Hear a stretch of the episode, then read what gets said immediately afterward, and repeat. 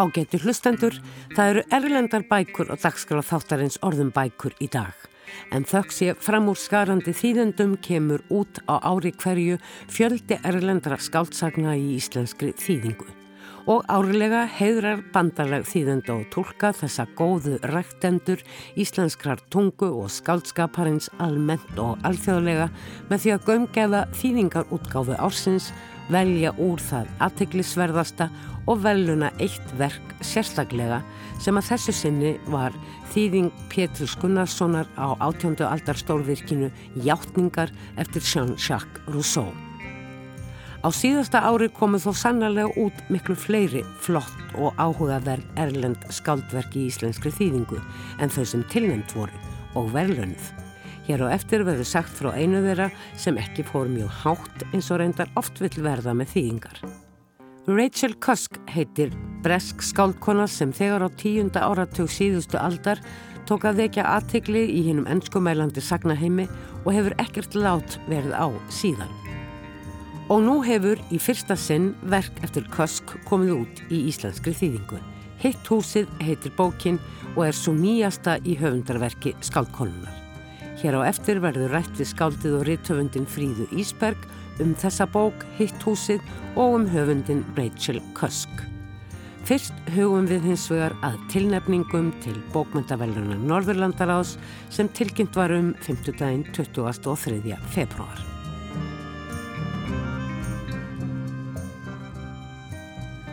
Það skal viður kent að ég er spennt eins og smákrakki á jólum að heyra á ári hverju um tilnefningar til bókmyndavellunar Norðurlandaráðs.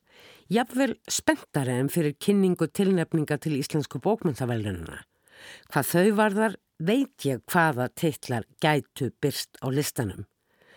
Varðandi bókmyndavelun Norðurlandaráðs er hins vegar opnaður reysagluggi í lendur samtíma skálskapar eftir norranna höfunda sem ég hef mögulega aldrei heyrt nefnda og svo er sannarlega í þetta skiptið. Þegar ég líti við listan sem var gerður ofnber á femtudagin var, sínist mér að ákveðin djörfung einkenni niður stöður valnefndana. Hér eru tilraunakendar bækur og það ekki bara hvað intak, stíl og framsetningu teksta varðar, heldur líka greipin sjálfan, það er bókina. Hér er teiknumyndasaga um persónuleg örlög í heimsögunni. Hér er skáldsaga þar sem ein af persónunum er svartagullið sem veldur okkur svo miklum vandræðum nú um leið og það er um margt algjör forsenda í lífi okkar. Já, ég er að tala um ólíuna. Íslenska valnefndin teflir að mínum að þetta djart í jákvæðasta skilningi í valið sínu að þessu sinni. Sem sé komum hér saman til að tilkynna um tilnefninga til bókmyndaveluna Norrlandaráðs og ég byrja hér, Kristján Jóhann Jónsson heiti ég. En eh, fyrst, fyrsta bókin sem ég nefni hér og fyrsti höfundurinn er Ragnar Helgi Ólafsson með ljóðabók sína Laus blöð og ég ætla að lesa í gegnum raukstuðning nefndarinnar með því að þessi bók er lögð fram. Titill ljóðabókarinnar Laus blöð er snúin og slært tón sem vakir í bókinni, allt er öðruvísi en það virðist vera. Ljóðabókin Laus blöð er þar ekki undanskilin. Blöðin í bókinni eru ekki laus, þau eru bundin inn til þess að þau glatist síður, það eru útskýrt á pappir strimli sem fylgir með. Auk þess fylgir hverju eintakinn sérprentað bókamerki með númeraskrá yfir blaðsíðu töl og fyrirmælum um það í hvaða röð ber að lesa ljóðin í því tiltekna eintakki. Bókin er með öðrum orðum ekki bundin í lestrarröð sem er nýrið sem ég hef búið til um þetta. Það er skemmtilega lestrarreynsla að fá uppgefið blaðsíðutal og þurfa að leita að ljóðinu sem á að koma næst, svo litið eins og leikur eða fjársjóðsleil. Í bókin er efnisifilít sem ekki fylgir tilmælum bókamörkisins. Ekkert er það sem sínist. Bókin er mjög falleg, hún er myndverk og leikurinn með ljóðaræðir er eins og framhald þeirra sköpunar og minnir á að hér er ekkert tilviljunum háð. Hið óvænta kemur í stað þess staðlaða og fyrirsjáhanlega. Ljóðin í bókin er á breyðum skala, sína bæði blíðu og skarpa hugsun, oftast og mest ber þó því þema sem áður var nefnt. Það er ekki allt sem sínist og kannski er það eitt helsta viðfánsefnu ljóðlistar bæði fyrr og síðar að minna okkur á hver margt er okkur hulið. Það er áhugavert viðhorf í nútímanum og neysluhyggjunni þar sem stöðut er æft á torgum að allt sé einmitt eins og það sínist og jafnframt best. Það er kannski í eðli ljóða að leita í það sem ekki verður staðfest eða höndlað í vitundinni. Það getur tekið á sig hátilegar og alvarlegar myndir en líka einfaldar og sniðugar. Hér er lítið ljóð úr bók Ragnars Helga. Það er ekki eins og hægt að treysta ljósmyndum. Ljósmynd. Kannski er ástæða þess að mér finnst svona skrítið að þú eigir þessa ljósmynd af þessum sofandi manni svo að ég er maðurinn og ég hef aldrei séð hann sofa. Til hamingju Ragnar Helgi og nú stýður Silva Björk Huldudóttir fram. Ég þakka Kristjáni fyrir og kannski rétt að geta þess að auk Kristjáns þá situr Sofjóðu Birgisdóttir í valnefndinu með okkur, hún gegnir starfið Varamanns. En hinn íslenska bókin sem er tilnæmt fyrir Íslands hönd í ár, það er Ljóskildran, skálsaga eftir Guðina Elísson sem að lestofan gaf út 2021 og ég ætla hér að lesa raukstunning domnemdar.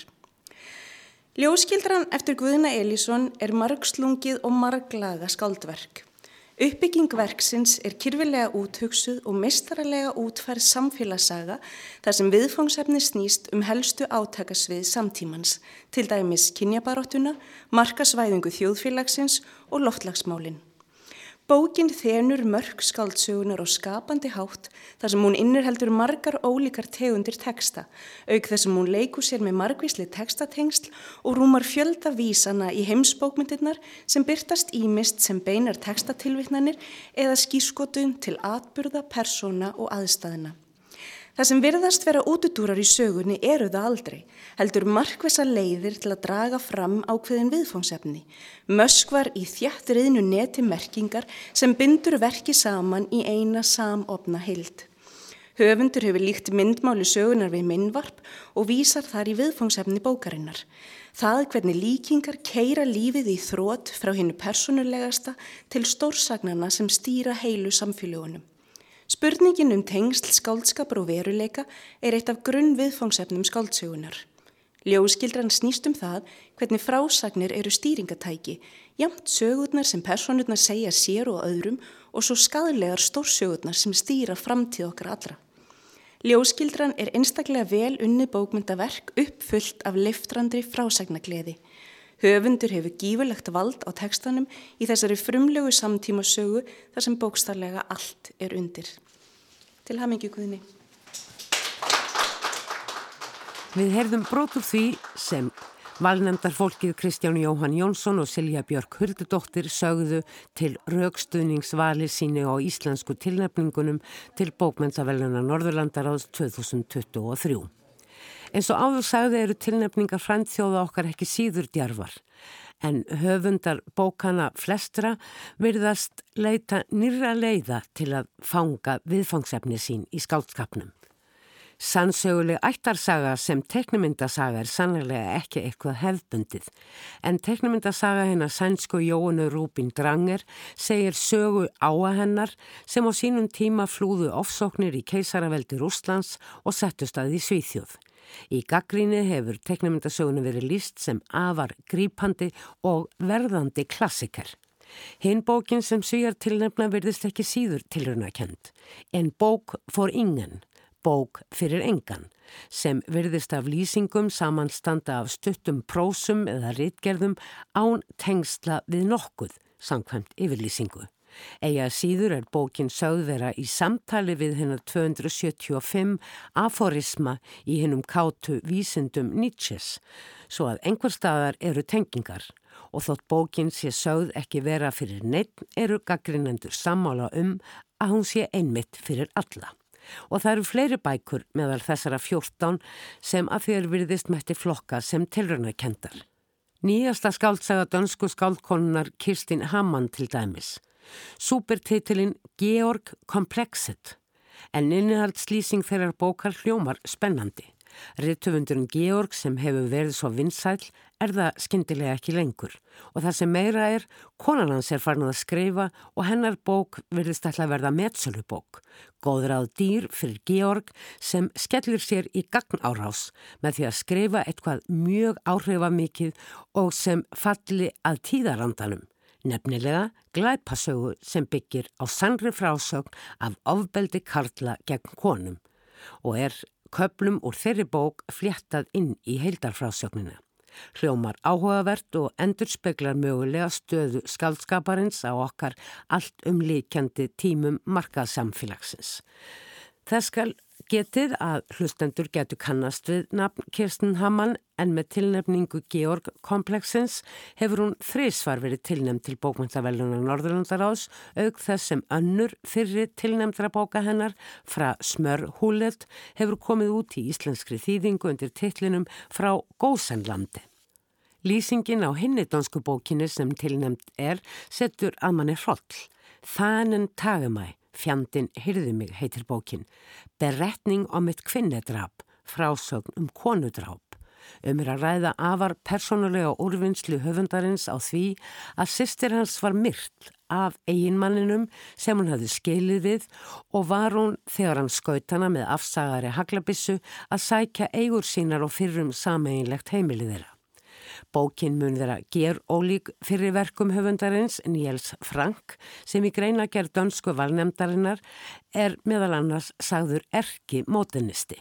Í úrvinnslu sem ætlaði að leiða fram sannleika svo hryllilegs atbyrðar sem stendur höfundi svo næri verður höfundurinn hins vegar að breyta sér í skrásetjara, útrýma eigin sjálfi eins og segir enn fremur í greinagerð dönsku valnemdarinnar sem og að hér séu á ferðinni listaverkum dauða Elínar, sýstur höfundarins.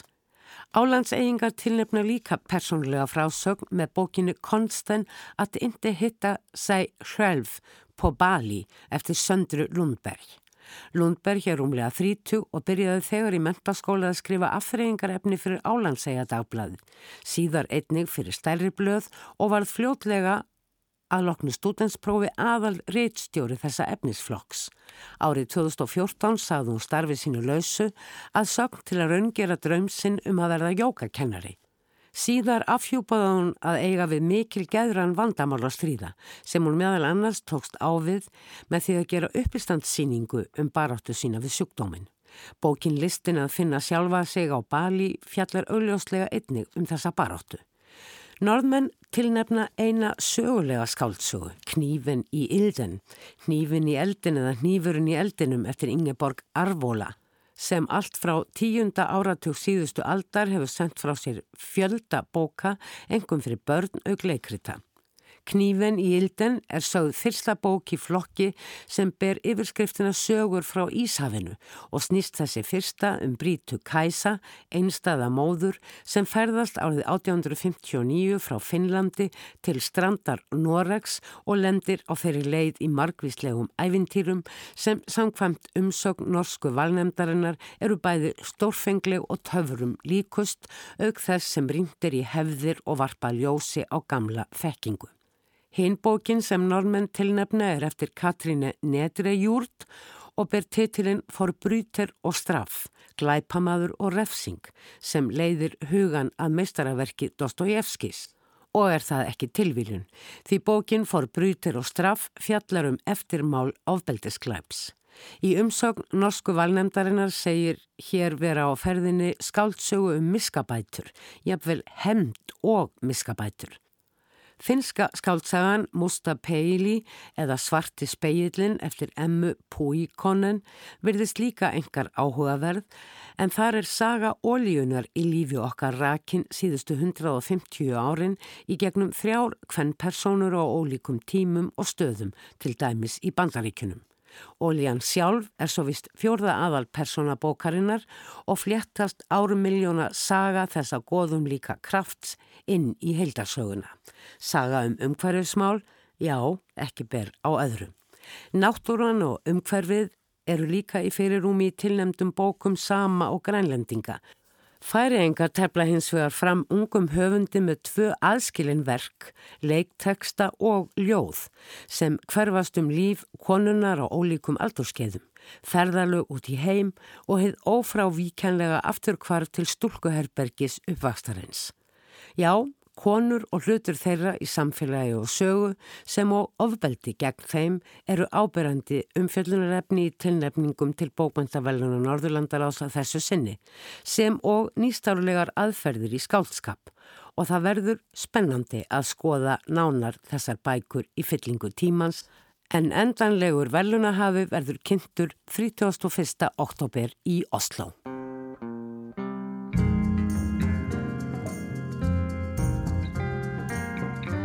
Hitt húsið heitir nýjasta skáltsaga breskari töfundarins Rachel Cusk og svo fyrsta sem þýttir yfir á íslensku aðeins ári eftir að hún kom út í Breitlandi. Titillin Hitt húsið, The Second Place á frumálinu má kalla tákgrænaran fyrir innihald bókarinnar sem segja má að fjalli um hinn staðin í lífinu þar sem viðkomandi er ekki hitt húsið.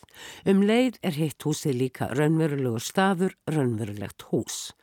Sagana sögða konu á besta aldri, M, sem líklega hefur í tvo áratöyu eða svo búið út í sveit á fennjasvæði í söður Englandi á samt eiginmanni sínum sem þar er uppalinn.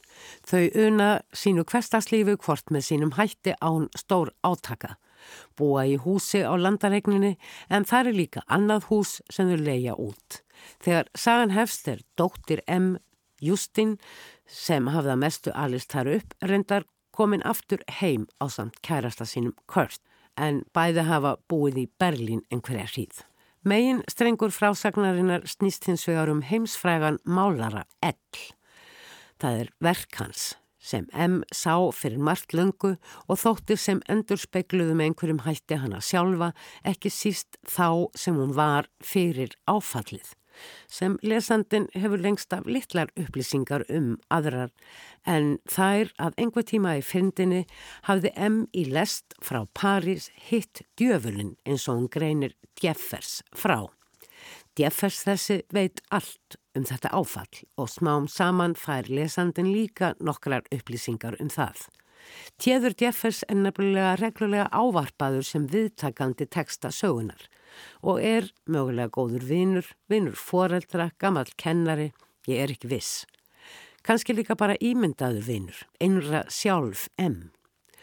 Um uppruna hans og tengst við sögukonu fær lesandi hins húsins nefnilega fátt að vita.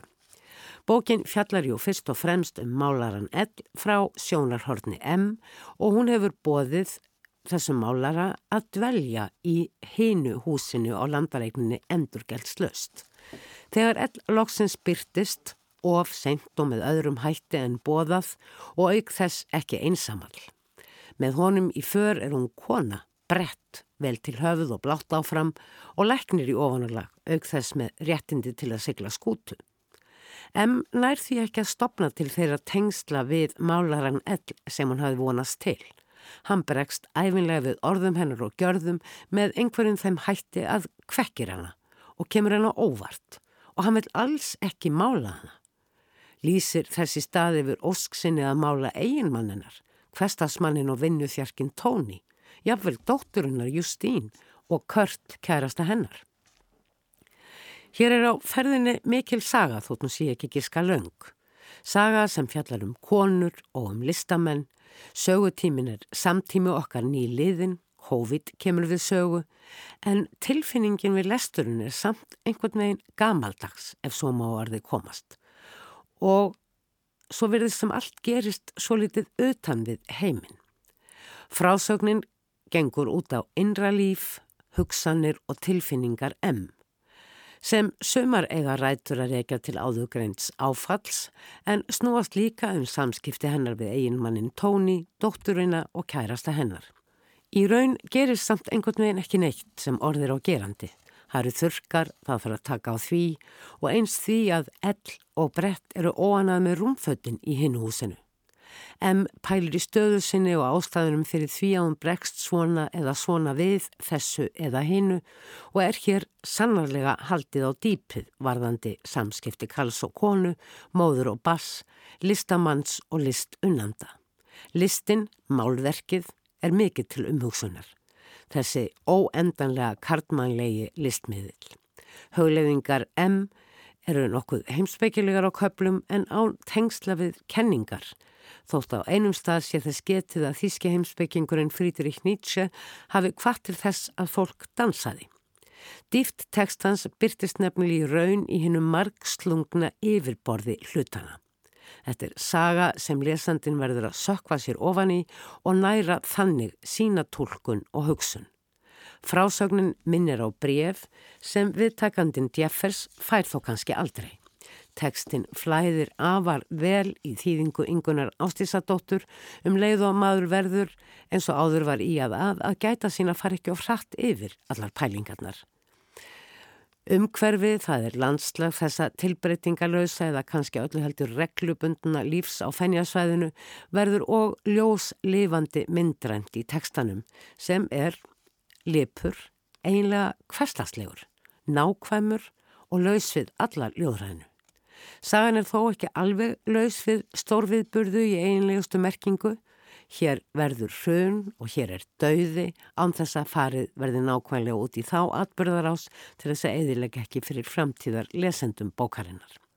Það var rittöfundurinn Fríða Ísberg sem fyrst vakti aðtikli mín á Rachel Cusk þegar hún nefndi hana í umræðu í þessum þætti þar sem var verið að ræða munin á viðtökum verka karlhöfunda og kvennhöfunda sem nota eigið líf sem efni við í skaldskap. Þegar ég komst á raunum að síðastlið höst hefðu komið út fyrsta bókin eftir Rachel Koski íslenskur þýðingu, aðeins ári eftir að hún kom út í Breitlandi, kallaði ég því fríðu á minn fund eða öllu heldur, mælti mér mót við hana í Gröndalshúsi þar sem ljóðakollektífið Svikaskáld á sér heimilisfang. Blessuð og sæl fríða sæl. og þakka þér fyrir að vera tilbúin til þess að segja okkur svo litið frá upplöfun þinni af þessari bók Heitt húsið og kannski á eftir líka svo litið frá kynnum þínum af Rachel Cusk. Hvernig myndið þú lýsa þessari bók? Komuð þér á óvart? Já, ég, hún kom mér á óvart en það sem ég tók kannski mest úr henni var einhvers konar núningur milli vilja og vals. Milli þess að að vilja eitthvað og geta valið eitthvað. Já, í rauninni að vilja eitthvað og hafa valið eitthvað og ég held að eigarskeggjar þekki þetta vel. Veist, það er erfitt að, að hafa niður njörfað sig og einn stað og hafa valið og geta ekki verið frjáls og geta ekki yfkað mm. frelsið eins og fugglin og svo framvegs.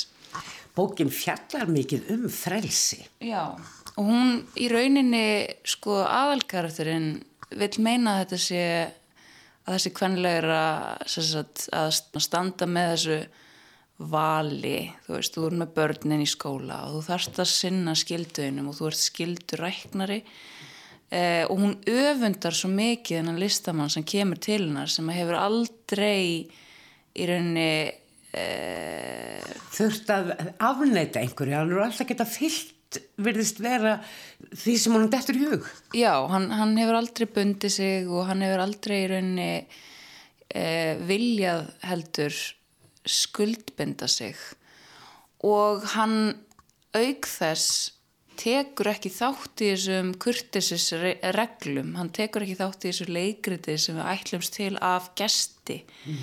þegar gestgjafi býður listamanni ókipis að vera um ókána tíð í húsi og bara ánleigu að það var mjög augljóst að um, aðalpersonan vildi fá gests augað til þess að staðfesta val hennar í lífinu. Að hún hefði valið rétt og þetta væri fallegt og gott líf sem hún lifði.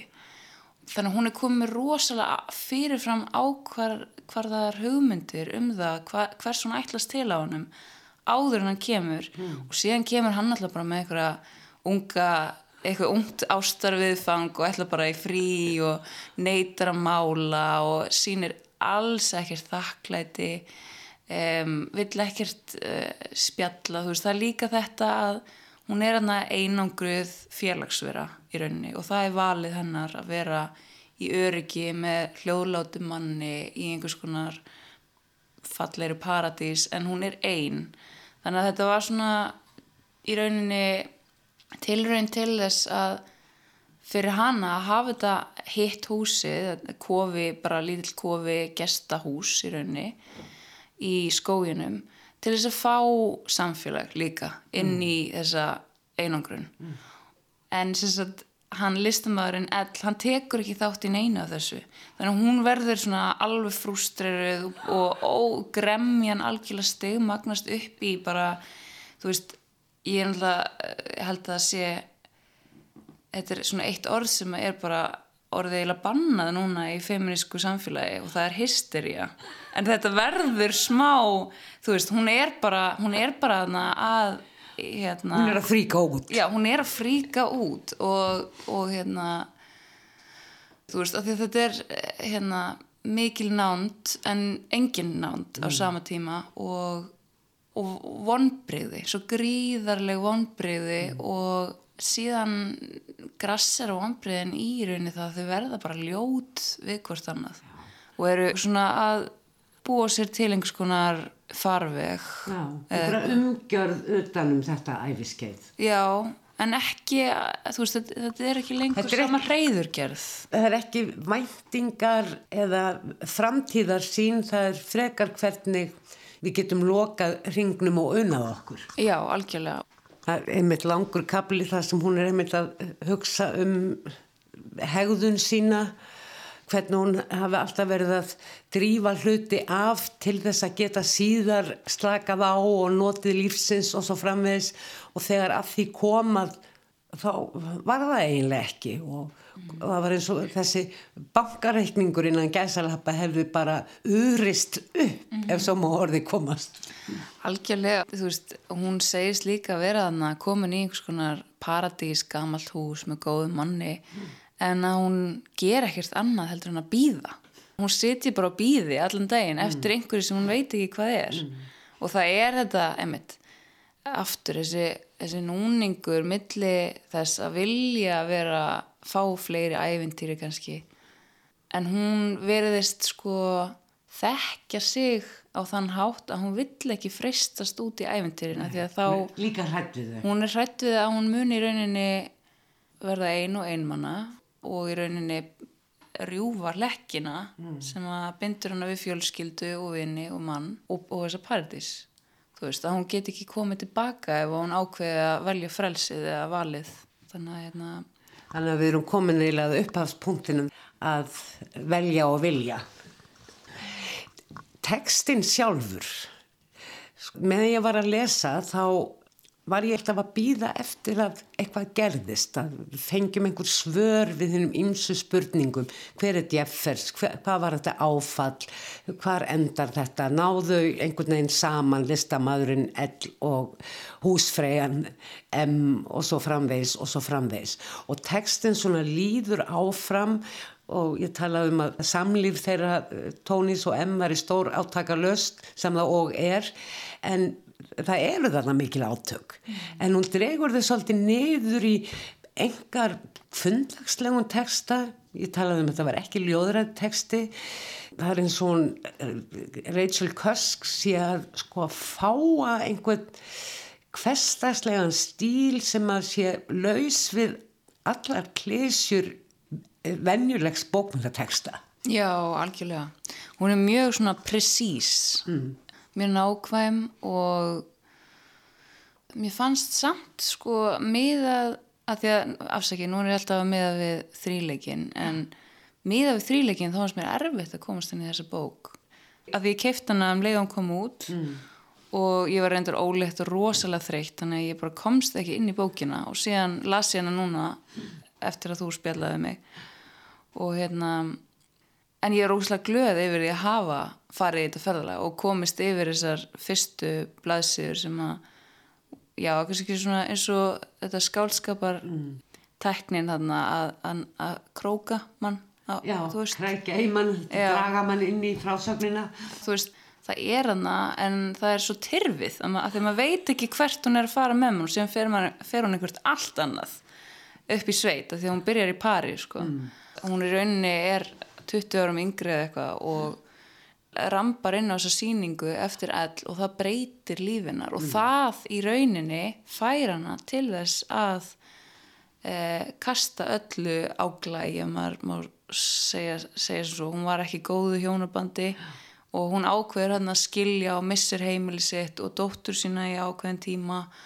Það fer allt til fjandans eftir að hún reyninni kynnist ve þessum verkum ég veit ekki hvað hún sá í þessum verkum en það var eitthvað til, að, til þess að hún breytti lífið sínu algjörlega þannig að það er rosa fyndið að hún kalli listamann til sín þegar allt er búið að setjast þegar Riki er sest og, og, hérna. Og hún búin rönni búin að finna ró og, og sinn stað í lífinu.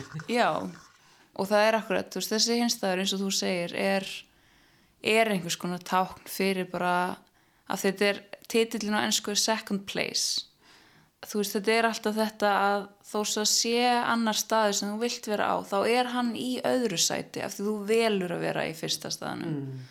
en einmitt, varandi textan sjálfan, þú veist, maður er með þessar kösk ísku naflaskoðun og hugleðingar alveg bara svona þú veist, gríðarlega djúpar pælingar ég er, hef alveg haft ofnumi fyrir bæði orðinu naflaskoðun og orðinu djúb eitthvað þannig nú er ég búin að segja þrjá hluti í þessu útastviðtali sem hysteria, naflaskoðun og djúpar pælingar en þetta er samt áallt við hana og er ekki slæmt mm. það er stundum gott að fá bara bók sem fer bara í einhvern eitthvað, eitthvað algjört svona eh, hugmyndilegt ferðalag mm. eins og þessi bók gerir Svo er það þessi frásagnar máti að ávarpa djeffers stöðugt.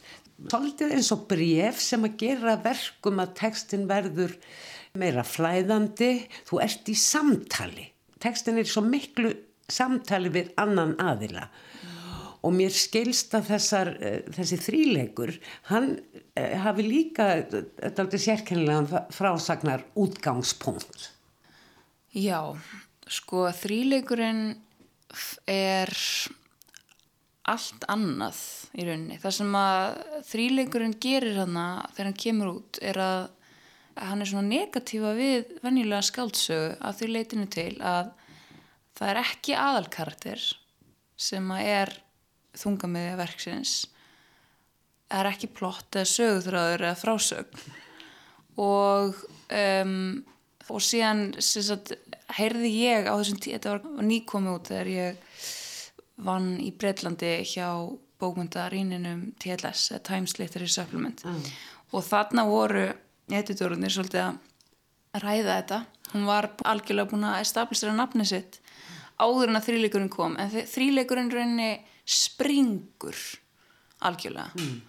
og hún verður bara heimsfræg ekki á einni nóttu, alls ekki á einni nóttu. En hún verður alveg, alveg þú veist, þetta er svona toppur einhvern veginn og það sem er að gerast í þessum þremur skáldsum er að, að formið er þannig að skálsaðan er alltaf í tíu köplum og aðalkarturinn er í rauninni bara að hitta fyrir tilviljun oft þetta fólk. Og það er ein manneskja sem fær orðið í hverjum kapla þetta, þetta verður svolítið svona eins og drekka vatn. Maður bara fer beint inn í æfi einhvers annars. Það er algjört millilega leysi einhvers konar. Algarðurinn dæmir aldrei. Er algjör algjörlega ósynlegur sem er þessi kona sem er reyttöfundur líka og fara á bókmyndaháttíðir og þetta er náttúrulega þetta er náttúrulega Rachel Cusk að einhverju leiti og, og það er líka málið að það spurðist út að Rachel Cusk var að koma með uh, sjálfsæfisögulega bók þannig fyrst, mm. outline og síðan les fólk þetta og þetta er ekki um hana að neinu leiti og þetta er bara um sagt, útlínur tíu manna eða tíu kvenna eða, tíu manneskja. Tíu manneskja sem að hún hittir. Fyrst fær hún útlínunar á þeim og síðan fær hún innihaldi líka og, og hvernig við byrtumst öðru fólki og hvernig við í rauninni búum til frásagnir um líf okkar og hvernig við upplifum okkur sjálf. Sömu personur í gegnum uh, allar þrjár bækurnar eða? Nei, þetta er einhvern 30 personur, þú veist, þetta er bara þetta er bara hver kapli er bara einmanneskja, þú veist. Og þetta er kannski bara hérna, pólski viðgerðamæðurinn sem er að koma heim til hennar að laga pípunar, þú veist. Og síðan er þetta einhver stóri töndur á einhverju bókmyndaháttíð mm. Veist, þetta, þannig að það er alveg rosalegt róf á þessu hver er, þú veist, hárgrísleikonun en það minnir mig einhver tíman en þessi karakter að þjóna þemanu mm. sem er uh, fyrst útlínur einmitt, hvernig við skinnjum útlínur hjá öðrum og síðan hvernig við um, við presenterum okkur líka.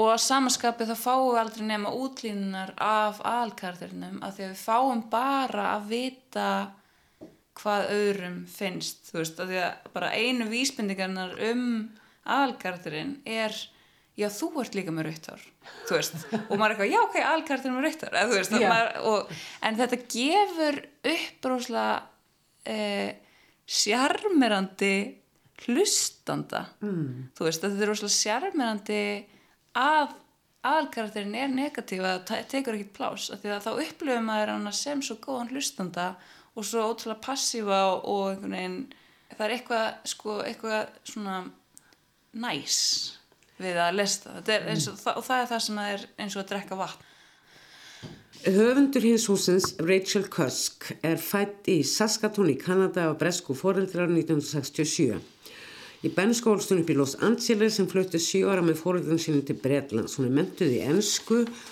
Hún var aðeins 27 ára þegar hún árið 1993 sendi frá sig sína fyrstu skáldsögu Saving Agnes og hlaut fyrir Whitebread-velunin fyrir bestu frumraun þess árs. Á næstu árum bættist svo nokkrar skáldsögur og smásagnarsöfn við. Það hefur kannski verið í kringum aldamótin að Rachel Cusk gaf frá sér einhvers konar yfirlýsingu þessi efni sem var hægt að skrifa skáldsögur, skáldsagna formi var ekki lengur hægt til að miðla raunveruleikanum. Að minnstakost árið 2001 sendi hún frá sér óskáldaða sögu um eigin barnegnir árið 2009 kom svo sömur á Ítalju og 2012 bókin Aftermath on Marriage and Separation sem ætti því það sem eftirleikur um hjónaband og skilnað og það er þá hennar eigin hjónaband og skilnaður. Hún held þó áfram með að við lista yfir verkanar að, að skrifa skáldsögur sem vöktu yfirlega aðtegli, ekki síst fyrir tilraunir til að komast undan hefbundnum formum og þar með rótgrónum klísjum sögugerðar sem mögulega kom að skýrast fram í átlæn þríleiknum sem við lættum hér aðeins um áðan. Eh, sem aukti til bókarinnar innihalda bækuna Transit og Kudos og þær lemtu sem sagt allar á lista New York Times árið 2015 yfir bækur sem móta aðferðir okkar við að lesa og skrifa skáldskap á 2001. öld. Sér þú uh, Rachel Cusk sem þannan tilrauna höfund, hún kannski ekki lesið allt höfundaverkið og aðalega það er bækur sem að hafa eins og sagði sjálf brotist í gegn sem eitthvað algjörlega nýtt og áður óþægt í skálsögum. Ég allavega hef ekki lesið neitt þessu líkt sko. Og mér fannst þetta allavega þegar ég las fyrstu bókina þá fannst mér hérna orðið novul eiga við sem er mm. nýjung. Þetta var einhvers konar nýjung fyrir mér allavega. Ég verði að viðkynna líka að þegar ég las þessa bók þá fannst mér þar vera annar, annar frásagnamáti, annar orðaval, annar nálgun, eh, annar sjónarhótt. Þessi Jeffers og það sem þú varst að segja um þrýleikin, hún er að reyna að nálgast sögu með öðruvísi heldur en við höfum gert við getum ekki haldið endalust áfram eins og við höfum alltaf gert mm. eins og þegar skáldsagan var til fyrir, uh, ég veit ekki hvað einhverjum hundruðum ára Sagan er drifin áfram af, af einhvers konar innsæg og hugmyndafræði líka.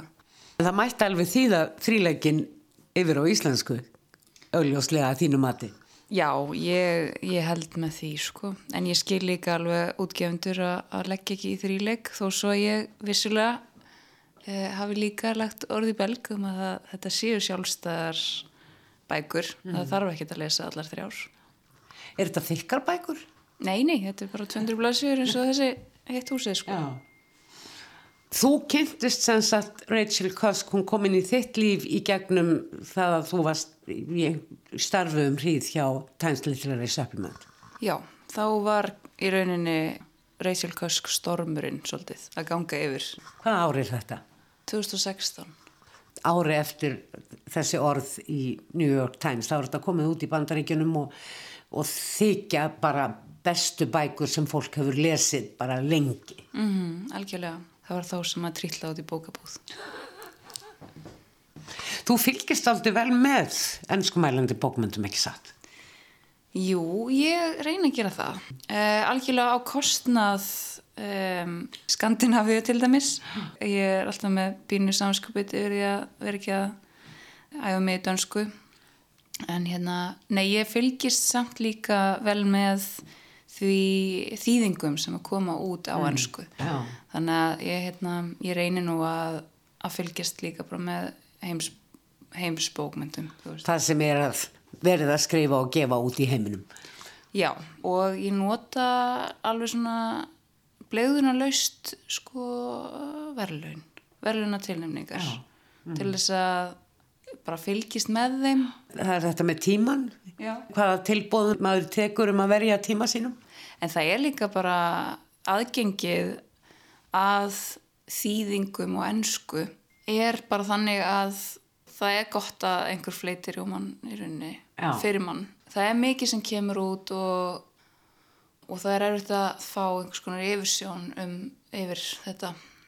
En síðan líka er bara, eru við svo heppin og við erum með frábærar útgáður sem eru að sinna þessu líka, þú veist, Þýðingum meinar þau. Já, þú veist, það, er, hérna, það eru þýðingaserjur hjá öllum hérna, bóka útgáfum okkar. Þú veist, Forlegið, Benedikt, Bjartur, Angustúra, Una útgáfus og, og fleiri eru bara með þýðingaserjur sem við erum svo ótrúlega heppin með að hafa, fá, fá þetta aðgengi í þessu eh, pínlítið tungumáli og þú veist, sko, mér finnst mjög erfitt til dæmis að ég held að við áttum, ekki, áttum okkur ekki á, á, á því hvað það er dýrt að þýða að þurfa að borga þýðanda fyrir að, snara verki yfir á íslensku og síðan getur maður samt ekki selt bók fyrir meira heldur en hvað fjögust eða eitthvað svo leiðis þannig að ef að bókin er 400 blaðsjur þá bara borgar hún sig ekki.